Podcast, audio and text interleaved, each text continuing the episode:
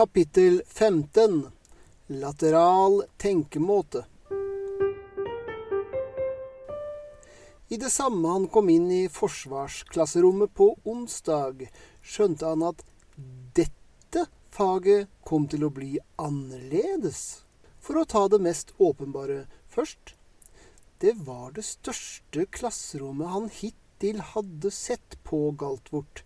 Det lignet et større universitetsauditorium med pulter i rekker skrånende oppover, vendt mot en gigantisk flat scene av hvit marmor. Klasserommet var høyt oppe i slottet, i sjette etasje, og Harry visste at det var all den forklaringen han kunne regne med å få for hvor et rom som dette var ment å passe inn. Det begynte å bli klart at Galtvort slett ikke hadde geometri, verken euklidsk eller noen annen form. Det hadde forbindelser, ikke retninger. I motsetning til et auditorium på et universitet var det ikke rader med klappstoler. Istedenfor var det helt vanlige trepulter og trestoler, som ellers på Galtvort, stilt opp på rekke langs en kurve på hvert nivå av klasserommet. Bortsett fra at hver pult hadde en flat, hvit, rektangulær, mystisk gjenstand plassert oppå seg. I sentrum av den enorme plattformen, på en liten forhøyning av mørkere marmor, var et enslig kateter. Bak denne satt Krengle, sammensunket i stolen med hodet hengende bakover. Han siklet lett nedover kappen sin. Nå hva minner dette meg om? Harry hadde kommet til timen så tidlig at ingen andre elever var der ennå. Morsmålet hans var defekt når det gjaldt å skulle beskrive tidsreiser, og spesielt hadde det ingen ord for å uttrykke hvor utrolig praktisk det var. Krengle så ikke helt ut til å fungere for øyeblikket, og Harry hadde ingen spesiell lyst til å nærme seg ham uansett. Harry valgte en pult, klatret opp til den og hentet opp skoleboka i Forsvar mot svartekunster. Han var omtrent syv åttendeler ferdig med den. Han hadde planlagt å fullføre boka før denne timen, faktisk, men han klarte ikke å holde følge med tidsskjemaet sitt, og hadde allerede brukt tidsvinneren to ganger i dag. Snart var det lyder etter hvert som klasserommet begynte å fylle seg opp. Harry ignorerte dem. Potter, hva gjør du her? Den stemmen hørte ikke hjemme her. Harry tittet opp. Draco? Hva gjør du i Oi, dæven heller, du har lakeier! En av guttene som sto bak Draco, virket å ha temmelig mye muskler til å være en elleveåring, og den andre sto oppstilt i en mistenkelig velbalansert stilling. Den lysblonde gutten smilte selv tilfreds og gjorde en håndbevegelse bakover. Potter, la meg få introdusere deg for herr Krabbe. Hånda hans flyttet seg fra muskler til balanse. Herr Gurgel. Vincent Grilius. Dette er Harry Potter. Herr Gurgel la hodet litt på skakke og ga Harry et blikk som sannsynligvis skulle bety et eller annet, men det så bare ut som om han skjelte. Herr Krabbe sa, Hyggelig å møte deg, i en tone som hørtes ut som om han prøvde å gjøre stemmen dypere enn den kunne klare. Et øyeblikks uttrykk av oppgitthet krysset Dracos ansikt, men ble kjapt erstattet av det overlegne fliret hans. Du har lakeier! gjentok Harry. Hvor kan jeg få tak i lakeier? Dracos flir ble bredere. Jeg er redd, Potter, at det første trinnet er å bli valgt inn i smygar. Hva? Det er urettferdig! Og deretter kreves det at familiene deres har planlagt dette fra før du ble født. Harry tittet på herr Krabbe og herr Gurgel. Det virket som om begge to prøvde hardt på å tårne opp over Harry. Det vil si, de lente seg forover, skjøt skuldrene fram, strakte på nakkene og stirret på ham. øh, vent litt, sa Harry. Dette ble arrangert for flere år siden? Korrekt, Potter. Jeg er redd det toget er gått. Herr Gurgel fant fram en tannpirker og startet å rense tennene sine, mens han fremdeles tårnet. Og, sa Harry, «Eh, Lucifus insisterte på at du ikke skulle vokse opp i nærheten av dine livvakter, og at du først skulle møte dem første skoledag. Det tørket smilet av Dracos ansikt. Ja da, Potter, vi vet alle sammen at du er briljant. Hele skolen vet det nå, du kan slutte å vise deg. Og så, de har blitt fortalt hele sine liv at de kommer til å være lakeier. Og så har de brukt årevis på å se for seg hvordan lakeier egentlig skal være. Draco vred på seg. Og hva verre er, de kjenner hverandre. Og de har øvd! Sjefen sa at dere skulle holde kjeft, rumlet herr Krabbe. Herr Gurgel tygde hardt på tannpirkeren, holdt den fast mellom tennene og brukte en hånd til å knekke knoklene på den andre. Jeg sa at dere ikke skulle gjøre det der foran Harry Potter. De to fikk et fårete uttrykk, og herr Gurgel tok kjapt tannpirkeren vekk og puttet den i en lomme i kappen sin men i det øyeblikket Draco snudde seg vekk fra dem for å se på Harry igjen, fortsatte de å tårne. Jeg beklager, sa Draco stivt, for måten disse imbesilene har fornærmet deg på. Harry ga et meningsfullt blikk rettet mot herr Krabbe og herr Gurgel. Nå synes jeg du er litt streng mot dem, Draco. Jeg synes at de oppfører seg akkurat slik jeg ville at mine lakeier skulle oppføre seg. Eh, hvis jeg hadde noen lakeier, mener jeg. Dracos kjeve sank nedover. Ei, Grylius, tror du han prøver å lure oss bort fra sjefen, eller? Jeg er sikker på at herr Potter ikke ville være så dum at han prøvde. Å, det kunne jeg da aldri drømme om, sa Harry glatt. Det er bare noe å ha i bakhodet hvis deres nåværende arbeidsgiver ikke setter pris på dere. Og forresten så skader det jo aldri å ha andre jobbtilbud når dere skal forhandle om de arbeidsmessige betingelsene, ikke sant? Og er det han gjør i Ravnklo? Det kan jeg knapt forestille meg, herr Krabbe. Begge dere to holder kjeft sa Draco gjennom sammenbitte tenner. Det er en ordre!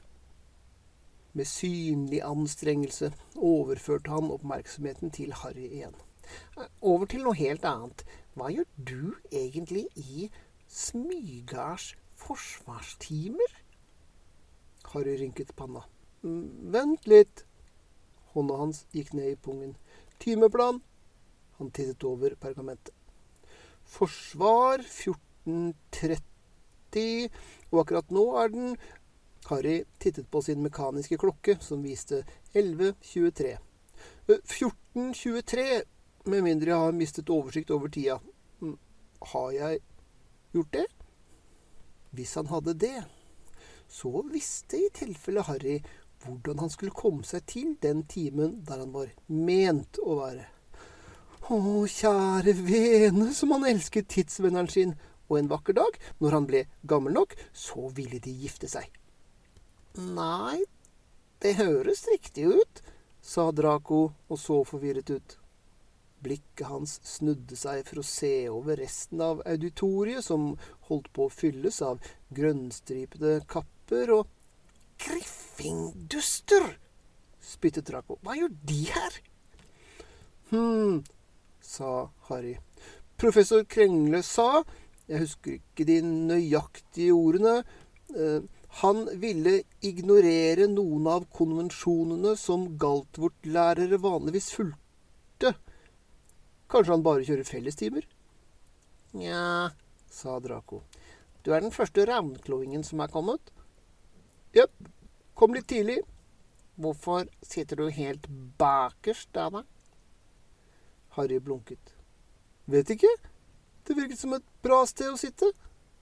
Draco kom med en litt hånlig lyd. Du kunne ikke kommet deg lenger vekk fra læreren om du så hadde prøvd. Den blondhårede gutten lente seg en tanke nærmere. Men uh, uansett, er det sant, de tingene du sa til Drønne og gjengen hans? Hvem er Drønne? Uh, du traff ham med en pai? To, to paier, faktisk. Hva skulle jeg ha sagt til ham?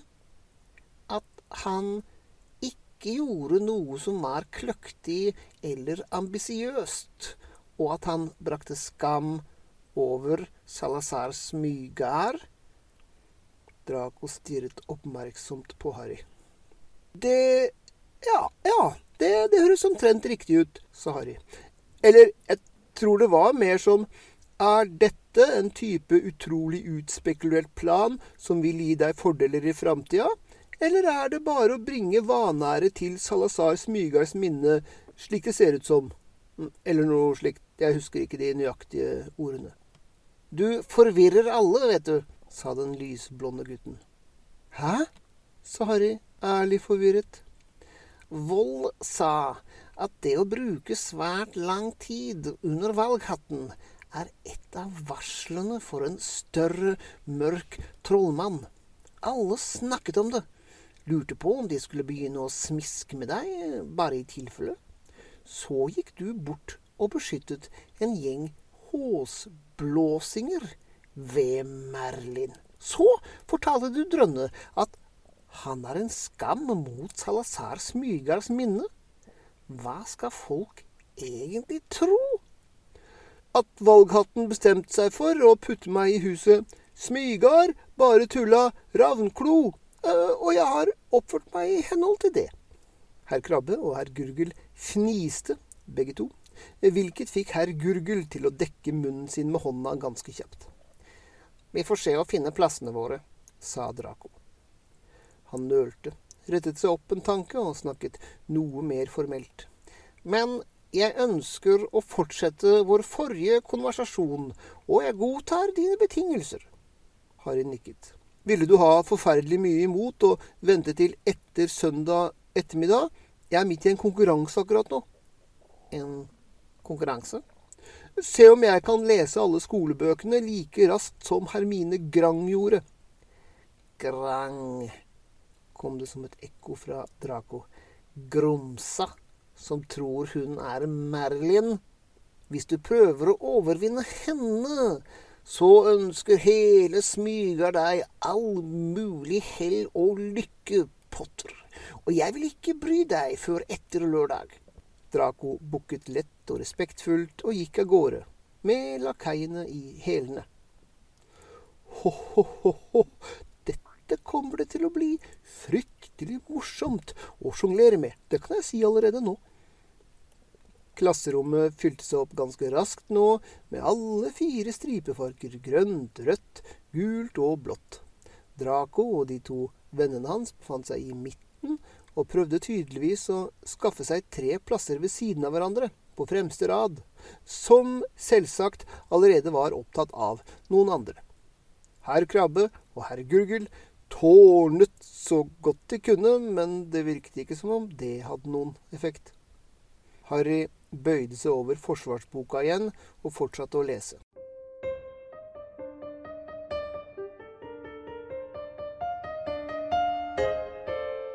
klokka 14.35.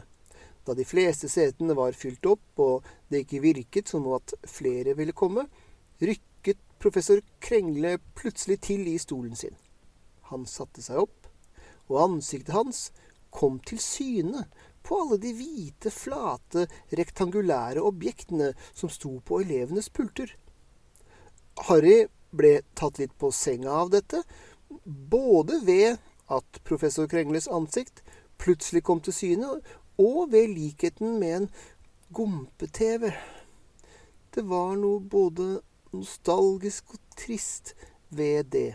Det virket svært som noe han kunne finne hjemme hos seg selv, men likevel var det ikke det. God ettermiddag, mine unge lærlinger, sa professor Krengle. Stemmen hans virket som om den kom fra skjermen på pulten og snakket direkte til Harry. Velkommen til deres første time i kampmagi, som Galtvorts grunnleggere ville ha kalt det. Eller, som det ble kjent som sent i det 20. århundre, forsvar mot svertekunstene. Det var en viss mengde frenetisk skribling i det elevene, overrasket, grep etter pergamenter eller skrivebøker. Nei, sa Krengle. Ikke bry dere med å skrive ned hva dette faget het før i tida. Ingen slike meningsløse spørsmål vil telle for karakteren deres i noen av mine timer. Det er et løfte. Mange elever satte seg opp og virket lettere sjokkerte da de hørte dette. Professor Krengle smilte svakt. Det er dere som har kastet bort tida med å lese de ubrukelige forsvarsbøkene for første klasse Noen lagde en halvkvalt lyd. Harry lurte på om det var Hermine. Kan ha fått inntrykk av at selv om dette faget kalles forsvar mot svartekunstene, så handler det faktisk om hvordan man forsvarer seg mot marerittsommerfugler som forårsaker halvdårlige drømmer, eller syresnegler som kan etse seg helt igjennom en to toms planke eh, hvis de får en hel dag på seg. Professor Krengle reiste seg opp og dyttet stolen bort fra pulten. Skjermen på Harrys pult fulgte alle hans bevegelser. Professor Krengle skred fram mot fronten av klasserommet og sa med en stemme som runget gjennom auditoriet. Den ungarske hornsvansen er høyere enn et dusin menn. Den puster ild så kjapt og så nøyaktig at den kan smelte en snopp i flukt. En mordforbannelse kan ta den ned. Det var gisp fra elevene. Fjelltrollet er farligere enn den ungarske hornsvansen. Det er sterkt nok til å bite gjennom stål. Huden dens er motstandsdyktig nok til å motstå lammevåder og kutteformler. Luktesansen dens er så fintfølende at den på avstand kan si om et bytte er en del av en flokk eller alene og sårbart. Og frykteligst av alt, Trollet er unikt blant magiske vesener i det at den kontinuerlig opprettholder en form for transfigurasjon på seg selv. Den transformerer seg alltid om til sin egen kropp. Hvis du på en eller annen måte klarer å rive av det armen, vil det vokse ut en ny på sekunder.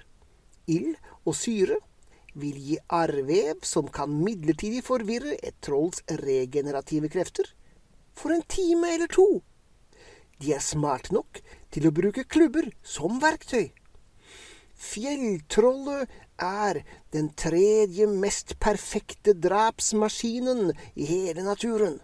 En mordforbannelse kan stoppe det. Elevene så ganske sjokkert ut. Professor Krengle smilte ganske biskt. Deres dårlige unnskyldning av ei lærebok i forsvar for tredje klasse vil foreslå at dere utsetter fjelltrollet for sollys som vil få det til å stivne. Dette, mine lærlinger, er den typen ubrukelig kunnskap dere aldri vil få i mine timer. Dere vil ikke finne fjelltroll i dagslys. Ideen om at du burde bruke sollys for å stoppe dem, er et resultat av idiotiske forfattere som prøver å vise sin fulle beherskelse av smådetaljer på bekostning av hva som er praktisk. Bare fordi det finnes en usannsynlig obskur måte å hanskes med fjelltroll på, betyr ikke at dere faktisk burde prøve den måten. Mordforbannelsen er ublokkelig, ustoppelig og virker hver eneste gang på alt som har en hjerne. Hvis du som voksen trollmann finner ut at du ikke er i stand til å bruke mordforbannelsen, kan du rett og slett imivere. Det samme kan du gjøre hvis du skulle møte den nest mest perfekte drapsmaskinen, en desperant. Du bare imiverer. Med mindre, selvsagt, sa professor Krengle, og stemmen hans var nå lavere og hardere. Du er påvirket av en anti-imiveringsforbannelse. Nei, det er nøyaktig ett monster som kan true deg når du først har blitt voksen. Det ene farligste monsteret i hele verden. Så farlig at ingenting annet kommer i nærheten. Den mørke trollmannen. Det er det eneste som fremdeles vil være i stand til å true deg. Professor Krengles lepper formet en tynn linje. Jeg vil motstrebende lære dere nok dagligdagse opplysninger til at dere kan bestå Magidepartementets fastsatte del av eksamen for første klasse. Siden den nøyaktige karakteren deres på den delen ikke vil ha noe å si for deres framtidige liv, kan alle som har lyst til å få en bedre karakter enn bestått, gjerne få kaste bort tida med å studere vår patetiske lærebok. Dette faget heter ikke Forsvar mot mindre plager. Dere er her for å lære å forsvare dere mot svartekunstene. Dette betyr la oss ha det fullstendig klart. Og forsvare dere mot mørke trollmenn.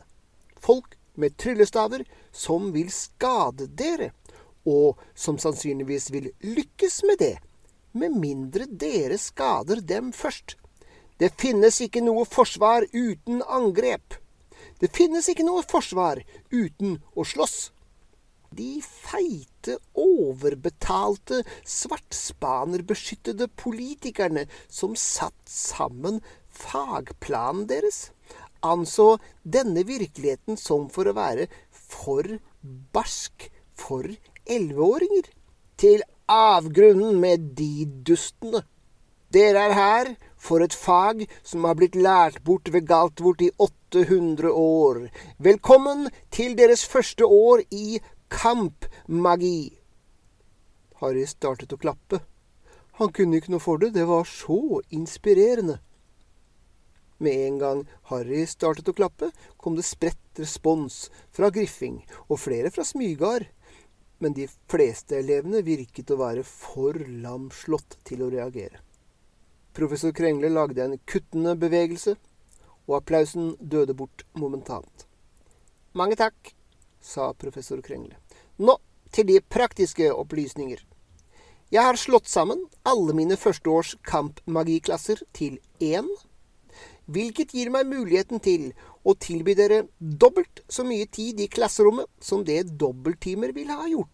Forferdede gisp hørtes. En økt arbeidsmengde jeg vil veie opp for ved å ikke gi dere lekser. Forferdede gisp døde bort. Ja, dere hørte rett. Jeg vil lære dere å kjempe. Ikke skrive tolv tommer om kamp med frist mandag. Harry ønsket desperat at han hadde sittet ved siden av Hermine, så han kunne se ansiktsuttrykket hennes nå. Men på den annen side var han ganske sikker på at han forestilte seg det helt nøyaktig. Videre var Harry forelsket. Det ville bli et trekantbryllup. Ham, tidsvenneren og professor Krengle. For de av dere som skulle velge det, har jeg i tillegg planlagt en del aktiviteter på ettermiddagene som jeg skulle tro at dere synes er svært interessante, i tillegg til å være lærerike. Ønsker du å vise verden dine egne ferdigheter istedenfor å se på at 14 andre mennesker spiller rumpeldunk? Mer enn syv personer kan kjempe i en hær. Daven døtte! Disse og andre fritidsaktiviteter vil også kunne gi dere krenglepoeng. Hva er krenglepoeng, spør dere? Huspoengsystemet passer ikke til mine behov, fordi huspoeng gis for sjelden. Jeg foretrekker å la mine elever få vite hvordan de ligger an, oftere enn som så. Og ved de sjeldne anledningene der jeg gir dere en skriftlig prøve, vil den rette seg selv mens dere holder på, og hvis dere får for mange feil innenfor samme emne, vil prøven vise dere navn på elever som fikk rett på disse spørsmålene, og disse elevene vil kunne tjene krenglepoeng ved å hjelpe dere. Wow! Hvorfor bruker ikke de andre professorene også et sånt system? Hva er krenglepoeng godt for? spør dere. For å begynne et sted. Ti krenglepoeng ville være verdt ett huspoeng. Men de kan kjøpe deg andre tjenester også. Ønsker du å ta eksamen på et uvanlig tidspunkt? Er det en bestemt time du gjerne skulle ha hoppet over?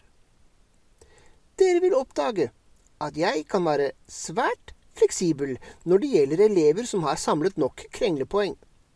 Krenglepoeng vil kontrollere hvem som blir generaler i hærene. Og til jul, rett før juleferien, vil jeg oppfylle en eller annens ønske.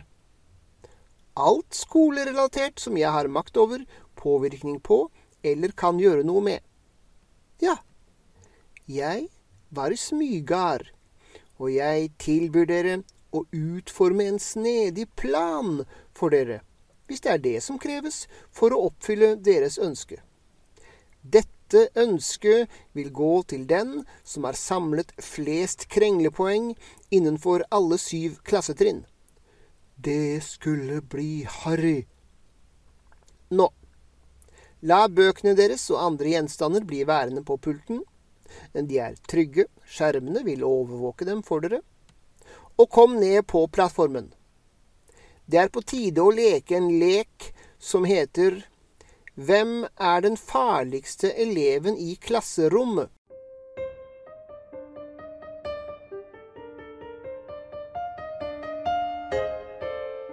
Harry vred tryllestaven i høyre hånd og sa Mahasu. Det kom et nytt høyt bing fra den flytende blå sfæren som professor Krengle hadde gitt Harry som mål. Den bestemte lyden betydde et perfekt treff, hvilket Harry hadde klart i ni av sine ti siste forsøk. Et eller annet sted hadde professor Krengle gravd opp en formel som var utrolig lett å uttale, og hadde en latterlig enkel stavbevegelse, og hadde en tendens til å treffe det du tittet på for øyeblikket. Professor Krengle hadde proklamert med forakt at virkelig kampmagi var langt vanskeligere enn dette. At heksingen var fullstendig ubrukelig i kamp. At det bare så vidt var et lite magistøt, der det eneste poenget var å sikte. Og at det ville medføre, når det traff, smerte tilsvarende å bli slått hardt i nesen at den eneste hensikten med denne testen var å se hvem som lærte raskt, siden professor Krengle var sikker på at ingen tidligere ville ha vært borti denne heksingen eller noe lignende. Harry brydde seg ikke om noe av det. Mahasu! En rød energistråle skjøt ut av tryllestaven og traff målet, og den blå sfæren ga igjen fra seg det bing som betydde at magien faktisk hadde virket for ham. Harry følte seg som en virkelig trollmann for første gang siden han kom til Galtvort. Han skulle ønske at målet ville prøve å hoppe unna, sånn som de små sfærene Ben Kenobi hadde brukt for å trene opp Luke, men av en eller annen grunn hadde professor Krengle istedenfor satt opp alle elever og mål på rette linjer. Eh, hvilket sørget for at de ikke skulle komme til å skyte på hverandre.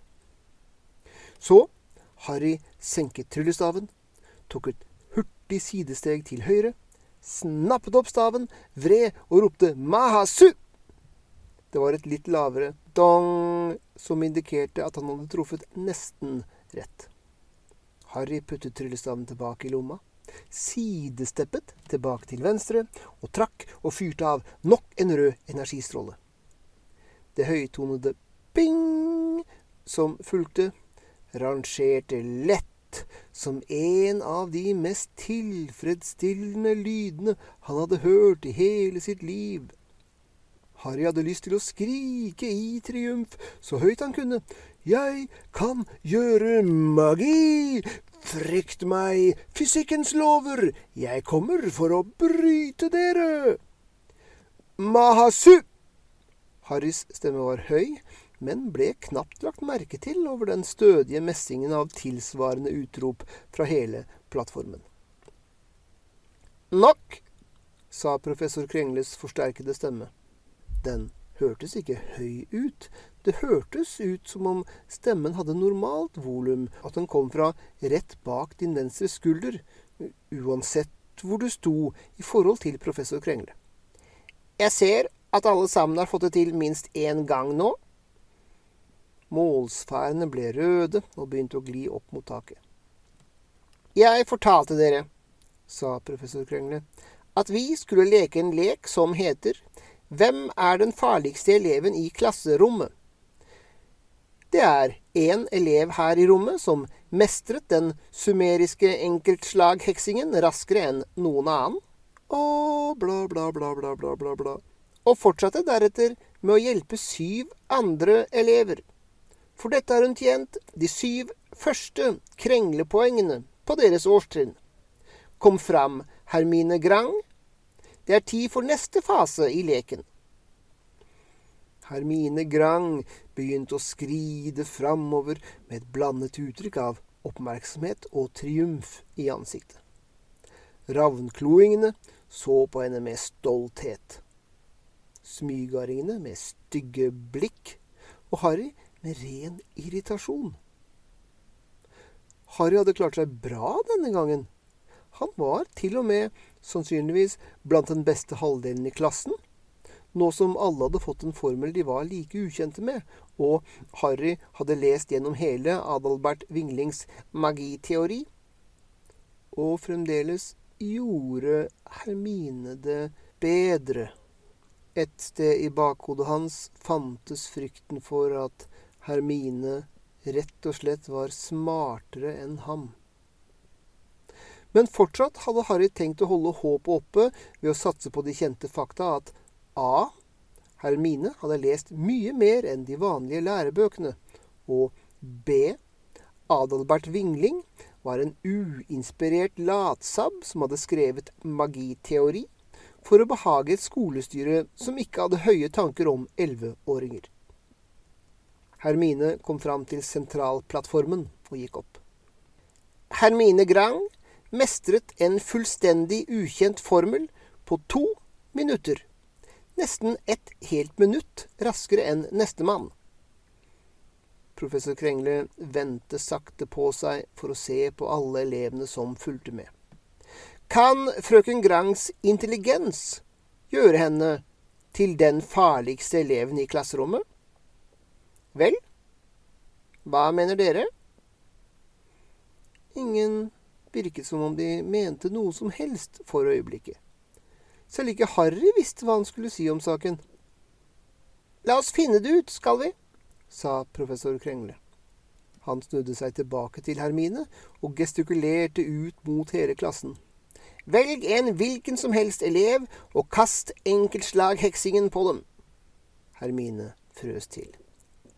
Kom igjen, sa professor Krengle bløtt. Du har kastet denne heksingen perfekt over 50 ganger. Det er ikke permanent skadelig, og spesielt vondt er det heller ikke. Det gjør like vondt som et hardt slag og varer bare noen få sekunder. Professor Krengles stemme ble hardere. Dette er en direkte ordre fra din professor, frøken Grang. Velg et mål og avfyr en enkeltslagheksing. Hermines ansikt vred seg i skrekk, og tryllestaven skalv i hånda hennes. Harrys egne fingre grep hardt om sin egen stav i sympati. Selv om han skjønte hva professor Krengle prøvde å gjøre, Selv om han, han kunne se det poenget som professor Krengle prøvde å få fram. Hvis du ikke løfter tryllestaven og fyrer av, frøken Grang, vil du miste et krenglepoeng. Harry stirret på Hermine og prøvde å få henne til å se i hans retning. Han dunket seg selv på brystet med høyre hånd. Velg meg, jeg er ikke redd. Hermines tryllestav vred seg i hånda hennes. Så slappet ansiktet hennes av, og hun senket staven ned langs siden. Nei, sa Hermine Grang. Stemmen hennes var rolig, og selv om den ikke var høy, ble den hørt av alle i stillheten. Da må jeg trekke et poeng fra deg, sa professor Krengle. Dette er en prøve, og du feilet. Det gikk inn på henne. Harry kunne se det, men hun holdt skuldrene rett. Professor Krengles stemme var sympatisk og hørtes ut som om den fylte hele rommet. Å vite ting er ikke alltid nok, frøken Grang. Hvis du ikke kan gi og motta vold, tilsvarende det å dunke tåa borti en stol, så kan du ikke forsvare deg selv, og du vil ikke bestå i forsvar. Vær vennlig og gå tilbake til dine klassekamerater. Hermine gikk tilbake til Ravnklo-gruppa. Ansiktet hennes var fredelig, og Harry ønsket av en eller annen merkelig grunn å klappe, eh, selv om professor Krengle hadde hatt rett. Så, sa professor Krengle, det er blitt åpenbart at Hermine Grang ikke er den farligste eleven i klasserommet. Hvem tror dere det kan være som faktisk er farligst her? Foruten meg, selvsagt. Uten engang å tenke seg om, snudde Harry seg for å se på Smygardgjengen. Draco av den urgamle adelsslekta Malfang, sa professor Krengle. Det later til at mange av dine medelever ser i din retning. Kom hit, er du snill. Draco gikk mot ham med en bestemt stolthet i holdningen. Han kløv opp på plattformen og tittet på professor Krengle med et smil. Herr Malfang, sa professor Krengle, skyt! Harry ville ha prøvd å forhindre det om det hadde vært tid, men i én flytende bevegelse spant Draco rundt mot Ravnklo-gjengen, løftet Tryllhaven og sa Mahatsu, som om alt var i én stavelse, og Hermine sa au. Og det var det. Godt skudd, sa professor Krengle. To krenglepoeng til deg. Men si meg, hvorfor valgte du frøken Grang? Det var en kort pause. Til slutt sa Draco fordi hun stakk seg mest ut. Professor Krengles lepper bøyde seg opp i et tynt smil.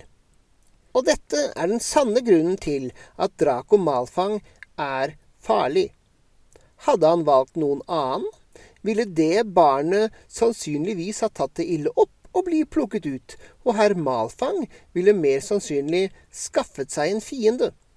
Og mens herr Malfang kunne ha kommet opp med en eller annen grunn for å velge henne, så ville ikke det ha gitt noen mening utenom det å fremmedgjøre noen av dere mens andre allerede heier på ham, uansett om han sier noe eller ikke. Eller sagt på en annen måte Herr Malfang er farlig fordi han vet hvem han skal angripe og ikke. Hvordan han skaffer allierte og unngår å få fiender. To krenglepoeng ekstra, herr Malfang. Og siden du har demonstrert eksemplarisk oppførsel for en smygarding, synes jeg at Hus Smygard har fortjent ett poeng i tillegg. Du kan gå tilbake til vennene dine. Draco bukket lett og gikk tilbake til smygardingene. Spredt applaus startet fra de grønnstripte kappene, men professor Krengle gjorde en kuttende armbevegelse, og stillheten senket seg på ny. Det kan virke som om leken er over, sa professor Krengle. Og allikevel er det én bestemt elev i dette klasserommet som er farligere enn Malfangs etling. Og nå, av en eller annen grunn, virket det som om forferdelig mange så på Harry Potter, kom fram. Dette lovet ikke godt. Harry gikk nølende mot der professor Krengle sto på sin opphøyde plattform, fremdeles lett lent mot kateteret sitt. Nervøsiteten over å havne i rampelyset skjerpet Harrys tanker når han nærmet seg, og hodet bladde kjapt gjennom mulighetene for hva professor Krengle kunne tro ville demonstrere Harrys farlighet. Ville han bli spurt om å kaste en heksing og overvinne en mørk herre?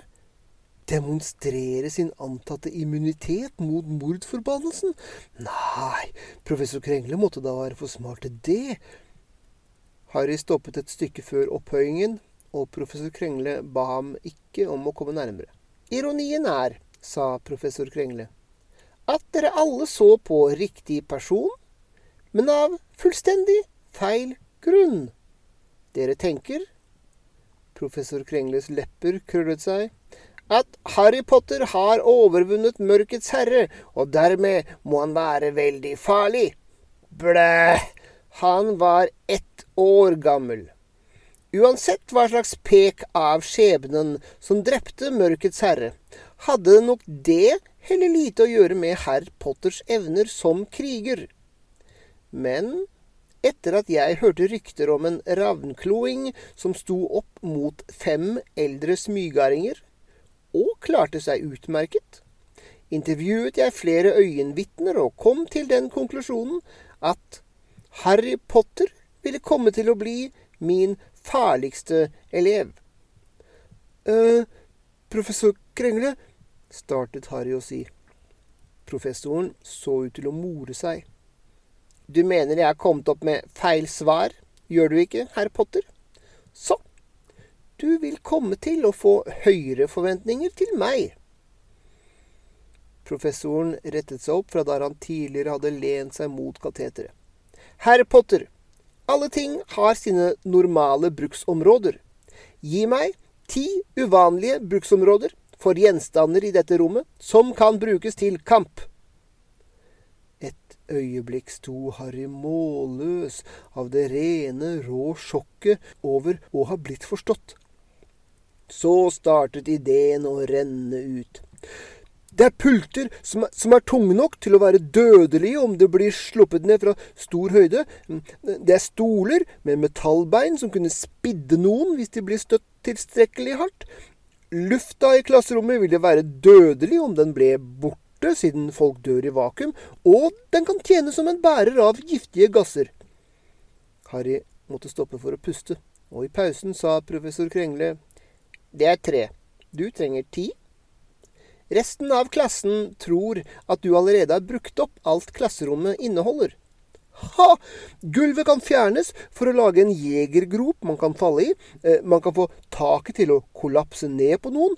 Veggene kan tjene som råmateriale for å transfigureres til massevis av dødelige ting, eh, som kniver, eksempel. Da har du seks. Men nå begynner du sikkert å skrape restene. Jeg har bare så vidt startet. Se på alle menneskene. Det å få en griffing til å angripe fienden er et vanlig bruksområde, naturligvis. Den teller jeg ikke med. Men blodet deres kan også brukes til å drukne noen. Ravnkloinger er kjent for sine hjerner, men deres indre organer kunne selges på svartebørs for nok penger til å leie inn en snikmorder. Smygardinger er ikke bare nyttige som snikmordere, de kan også kastes med tilstrekkelig hastighet til å knuse en fiende. Og håsblåsinger, i tillegg til å være hardtarbeidende, inneholder også bein som kan fjernes, slipes og brukes til å stikke noen med. På dette tidspunktet stirret hele klassen på Harry i varierende grad av redsel. Selv smygardingene så sjokkerte ut. Det var ti. Skjønt jeg er sjenerøs når jeg lar ravnklo-eksempelet telle. Nå, for ekstra uttelling, ett krenglepoeng for hver bruk av gjenstander i rommet som du ennå ikke har nevnt. Professor Krengle beæret Harry med et vennlig smil. Resten av klassen tror du er i trøbbel nå, siden du har nevnt alt utenom målene, og du har ikke noen idé om hva som kan gjøres med dem. Blæ! Jeg har nevnt alle menneskene, men ikke kappen min, som kan brukes til å kvele en fiende hvis den surres rundt hodet deres nok ganger, eller Hermine Grangs kappe, som kan bli revet i strimler og knyttet til et tau og brukt til å henge noen, eller eh, Draco Malfangs kappe, som kan brukes til å starte en brann. Tre poeng sa professor Krengle. Og ingen flere klesplagg. Tryllestaven min kan dyttes inn i en fiendes hjerne gjennom øyeåpningen. Og noen laget en forferdelig kvalt lyd. Fire poeng. Ingen flere tryllestaver. Armbåndsuret mitt kunne kvele noen hvis jeg dyttet det ned i halsen deres. Fem poeng. Og nå slutter vi. Huh, sa Harry. Ti krenglepoeng på et huspoeng, ikke sant? Du skulle ha latt meg fortsette til jeg vant huspokalen. Jeg har ikke engang startet på de uvanlige bruksområdene til alt jeg har i lommene mine. Eller minkelskinnpungen. Eh, og han kunne ikke snakke om tidsvenneren eller usynlighetskappen, men, men noe måtte kunne sies om de røde sfærene. Nok, herr Potter. Vel, tror dere alle sammen at dere forstår hva som gjør herr Potter til den farligste eleven i klasserommet? Det var en lav mumling av enighet. Vennligst si det høyt. Tom Blom, hva er det som gjør din romkamerat farlig? øh, øh, han er kreativ. Feil! bjeffet professor Krengle, og neven hans kom hardt ned på pulten med en forsterket lyd som fikk alle til å hoppe. Samtlige av herr Potters ideer var verre enn ubrukelige. Harry rykket overrasket til. Fjerne gulvet for å lage en jegerfelle? Idiotisk! I kamp har du ikke den slags tid til å forberede deg, og hvis du hadde, ville det være hundre bedre måter å bruke den på transfigurere gjenstander fra veggen? Herr Potter kan ikke utføre en transfigurasjon. Herr Potter hadde nøyaktig én idé som han kunne bruke umiddelbart her og nå, uten omfattende forberedelser eller en fiende som samarbeidet, eller magi han ikke kjenner til. Den ideen var å kjøre tryllestaven gjennom fiendens øyeåpning og det ville snarere knekke staven hans enn å drepe motstanderen. Kort og godt, herr Potter, jeg er redd for at samtlige av dine forslag var like elendige. Hæ? sa Harry indignert. Du spurte om uvanlige ideer, ikke praktiske. Jeg tenkte utenfor boksen. Hvordan ville du bruke noe i dette klasserommet til å drepe noen? Professor Krengles ansiktsuttrykk var ikke anerkjennende, men det var smilerynker rundt øynene. Herr Potter, jeg sa aldri at du skulle drepe. Det finnes tider og steder der det er greiere å prøve å ta fienden din i levende live, og inne i et klasserom i Galtvort er vanligvis ett av disse tidene og stedene. Men eh, for å svare på spørsmålet ditt slå dem i nakken med en stol. Noe latter kom fra smygardingene, men de lo med Harry, ikke av ham. Alle andre så ganske skrekkslagne ut. Men herr Potter har nå demonstrert hvorfor han er den farligste eleven i klasserommet. Jeg spurte om uvanlig bruk av gjenstander i dette rommet til en kampsituasjon. Herr Potter kunne ha foreslått å bruke en pult til å blokkere en forbannelse, eller å bruke en stol til å få en fiende til å snuble, eller å surre tøy rundt armen for å lage et improvisert skjold.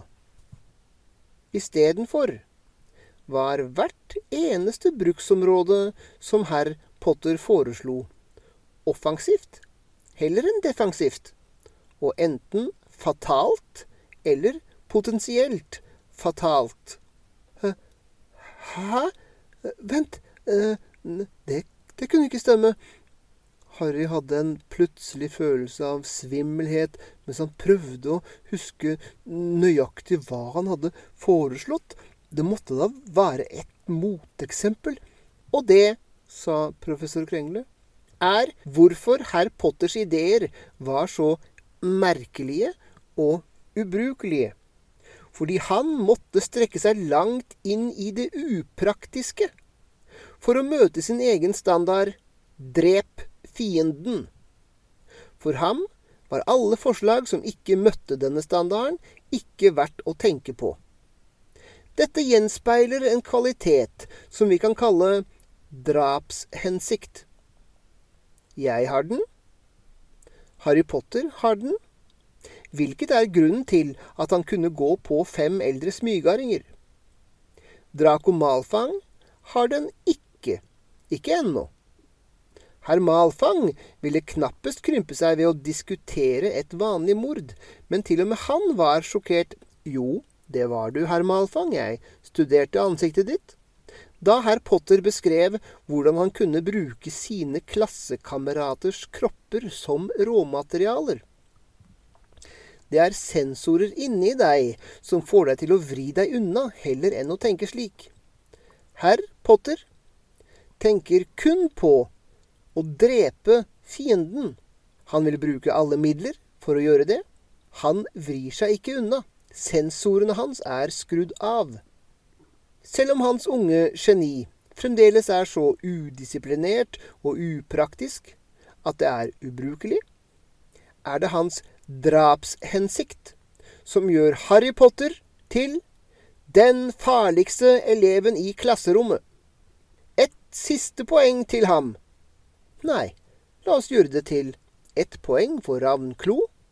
For denne uunnværlige bestanddelen i en sann kampmagiker. Harrys munn gapte i åpent sjokk mens han desperat prøvde å komme på noe å svare til dette. Det er bare så totalt ikke det som er min greie. Men han kunne se at de andre elevene startet å tro på det. Harrys hjerne bladde seg gjennom mulige måter å nekte på, og kom ikke opp med noe som kunne måle seg med den autoritative stemmen til professor Krengle. Harrys beste forslag var Jeg er ingen psykopat, jeg er bare veldig kreativ. Og det hørtes egentlig litt for illevarslende ut. Han var nødt til å si noe uventet, noe som fikk folk til å stoppe opp og tenke seg om. Og nå, sa professor Krengle, herr Potter, gi ild. Ingenting skjedde, selvsagt. Ja, ja, sa professor Krengle. Han sukket. Jeg antar at vi alle må starte et sted. Herr Potter, velg ut en hvilken som helst elev som mål for en enkeltslagheksing. Du skal gjøre dette før jeg lar klassen gå for dagen. Hvis du ikke gjør det, vil jeg begynne å trekke deg for huspoeng, og jeg vil fortsette å trekke poeng til du har gjort. Harry løftet forsiktig tryllestaven. Såpass måtte han gjøre, ellers ville professor Krengle starte å trekke huspoeng med en gang. Sakte, som om han var på et roterende grillspyd, vendte Harry seg mot smygardingene.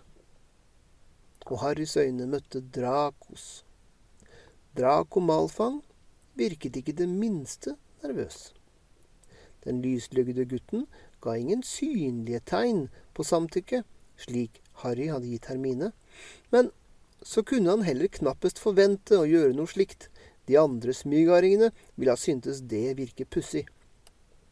Hvorfor nøle? sa professor Krengle. Det er da bare ett åpenbart valg. Ja, sa Harry. Bare ett åpenbart valg. Harry vred tryllestaven og sa Mahasu! Det var komplett stillhet i klasserommet.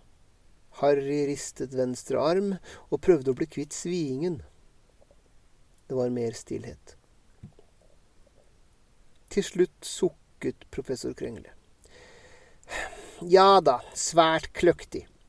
Men det var en lekse som skulle bli lært her, og du vek unna fra den. Ett poeng fra Ravnklo for å vise fram smartheten din på bekostning av det faktiske målet. Klassen kan gå. Og før noen andre kunne si noe, sang Harry ut Bare tulla! Ravnklo! Et øyeblikks stillhet etter det. En lyd av mennesker som tenkte. Og så startet mumlingen og steg kjapt til et brøl av konversasjon. Harry snudde seg mot professor Krengle. De to trengte å snakke. Krengle hadde sunket sammen igjen og beveget seg sløvt tilbake til stolen. Nei, uakseptabelt. De trengte virkelig å snakke. Hoppe over zombierollen. Professor Krengle ville sannsynligvis våkne til hvis Harry dyttet borti ham et par ganger. Harry beveget seg forover. Nei, feil, ikke, dårlig idé. Harry svaiet, stoppet umiddelbart og følte seg svimmel. Så falt en flokk ravnkloinger over ham, og diskusjonene startet.